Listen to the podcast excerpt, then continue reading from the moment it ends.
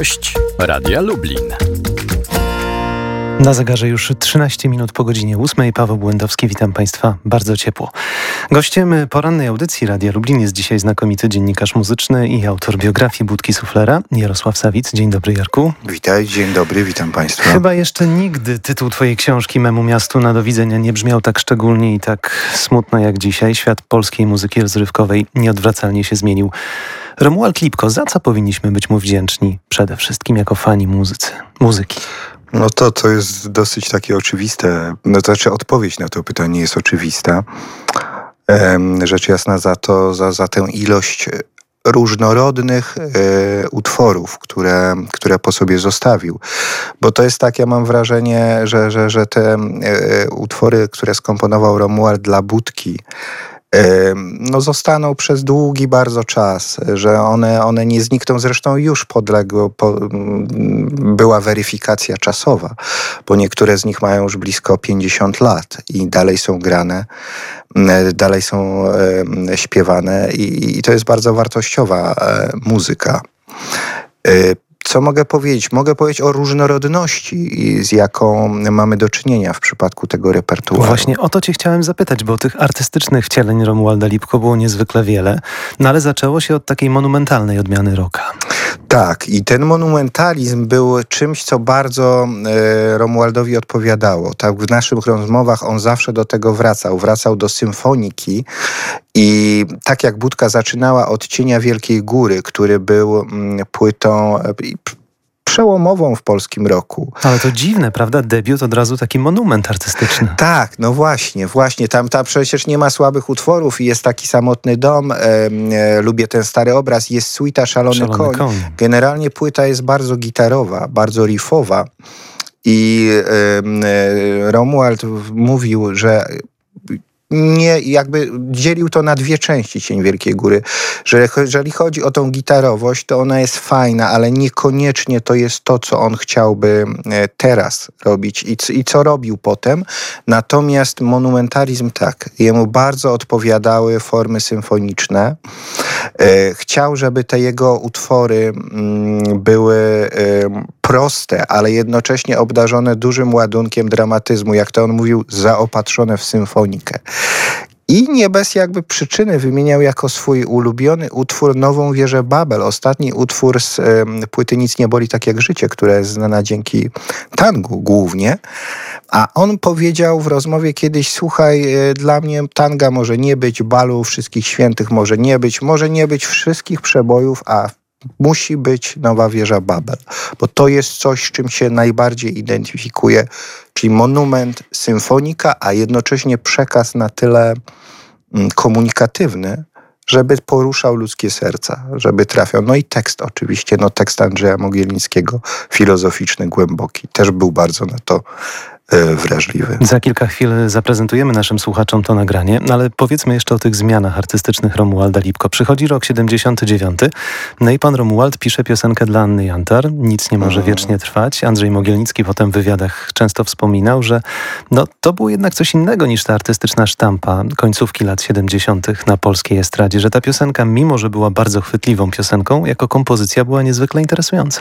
Tak, ona wychodziła zdecydowanie poza ramy popu. Ona była z jednej strony e, nowoczesna, bo tam było brzmienie e, rozbudowane, brzmienia syntezatorów, instrumentów klawiszowych.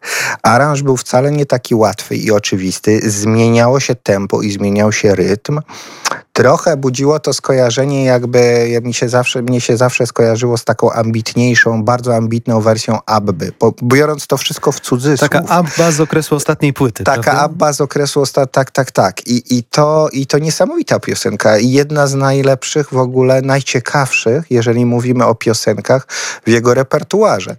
I później to, co on rozwinął na przykład na płycie Iza, Izabeli Trojanowskiej, Romuald, czyli te swoje takie w sumie oszczędne kompozycje, ale mm, idące w kierunku powiedzmy tego, co się umownie nazywa nową falą.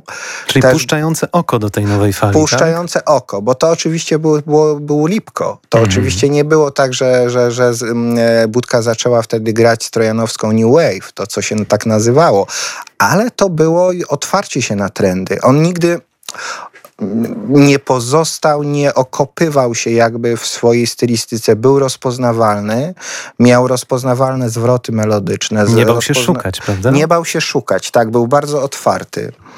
Zresztą ja w ogóle uważam, te nasze rozmowy nie przedostały się do książki, niestety. To znaczy inaczej, mało z nich, ponieważ to były rozmowy dygresyjne, ale Romuald był osobą, która uwielbia rozmawiać o muzyce w sposób ogólny, stawiając jakąś tezę, na przykład długie dygresje na temat, czym jest rok, a czym nie jest rok. Mhm.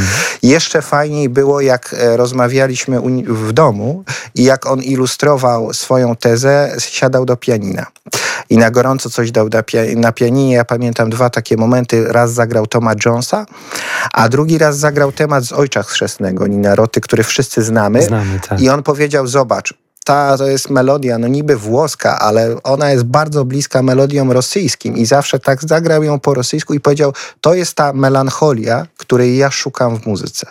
Tego, takich tematów trzeba ludziom to, to, to pod tym się podpisuje. Chcę, chcę, chcę robić takie y, rzeczy, tworzyć. O tej melancholii mówiliśmy w piątkowej audycji. Y, Mietek Jurecki powiedział wtedy takie zdanie. Romek to był facet, który nie zmarnował życia. Wielu artystom pomógł. Czyje kariery, Jarku, wyglądały być inaczej, gdyby nie kompozycja Romka? No na pewno Izabeli Trojanowskiej. Y, na pewno bez wątpienia Urszuli. I, I, tutaj jest dużo też mniejszych. Na pewno inaczej potoczyłaby się kariera Romualda Czystawa.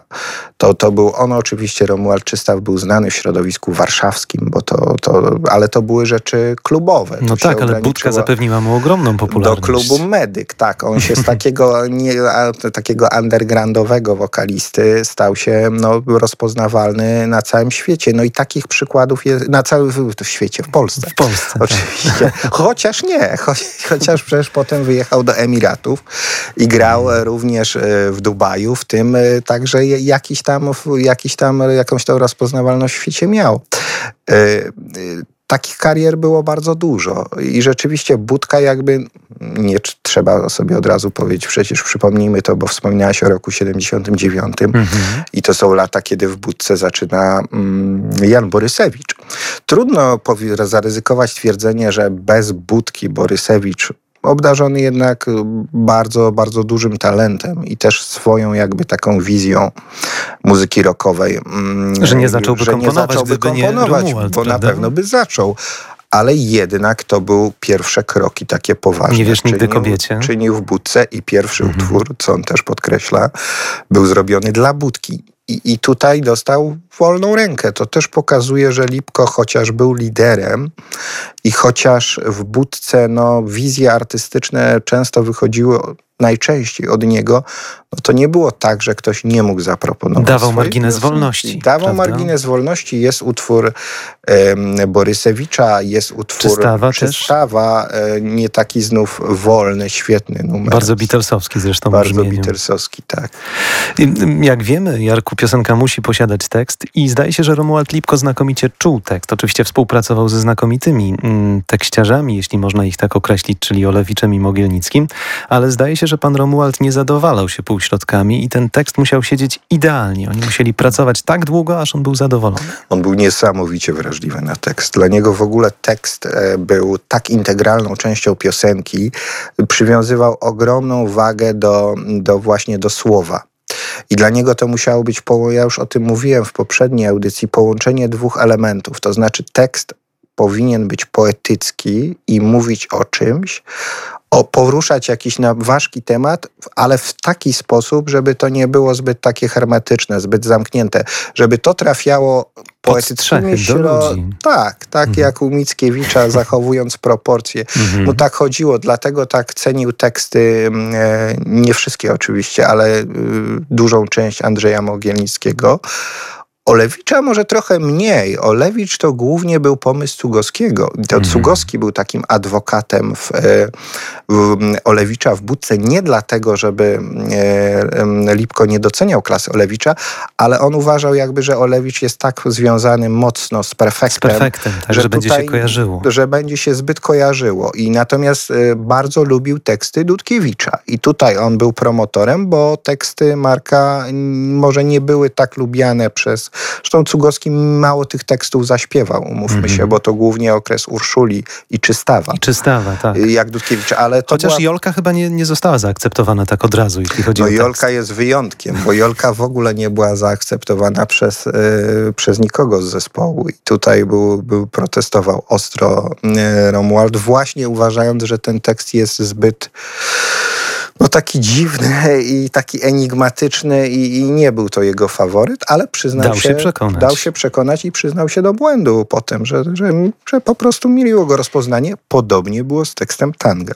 Czy zgadzasz się, Jarku, z taką opinią, że obok Seweryna Krajewskiego i Andrzeja Zielińskiego był największym polskim melodykiem powojennym? Absolutnie. Absolutnie. Ja myślę, że jak się stawiamy, stawia właśnie mm, jego twórczość obok Krajewskiego, Zielińskiego, no to, to jest, no oczywiście jest jeszcze Jan Kanty Pawluszkiewicz, ale to trochę co innego, Troszkę to piosenka inna, tak. poetycka, tak. to są inne, inne klimaty. W polskiej piosence na pewno to jest ten typ, on się identyfikował bardzo z jak rozmawialiśmy, chciałby, chciał być kontynuatorem y, nawet nie muzyki tej młodzieżowej z lat 60., 70., Krajewski. się identyfikował z takimi kompozytorami jak Petersburski, jak Szpilman, z całym tym nurtem. Y, z całą takiej, tą spuścizną jeszcze muzyki przedwojennej. Muzyki, muzyki przedwojennej, właśnie tymi szlagierami, które i, i chciał komponować dla ludzi. Z tym, że mówił wiele razy, że nie najważniejszy jest wcale dla niego ilość, ale to, jak ludzie przeżywają muzykę jego. Myślę, że będziemy bardzo wdzięczni za to, co pan Romuald y, skomponował. Uroczystości pogrzebowe świętej pamięci Romualda Lipko dzisiaj, proszę państwa, rozpoczną się w Archikatedrze Lubelskiej o godzinie 13, no a potem pożegnamy go na nekropolii przy ulicy Lipowej. Bądźmy tam, wspominajmy i pamiętajmy. A gościem rozmowy poranka był Jarosław Sawic, dziennikarz muzyczny, także autor biografii Budki Suflera. Bardzo dziękuję, dziękuję że byłeś bardzo. z nami. Dziękuję. Paweł Błędowski, do usłyszenia.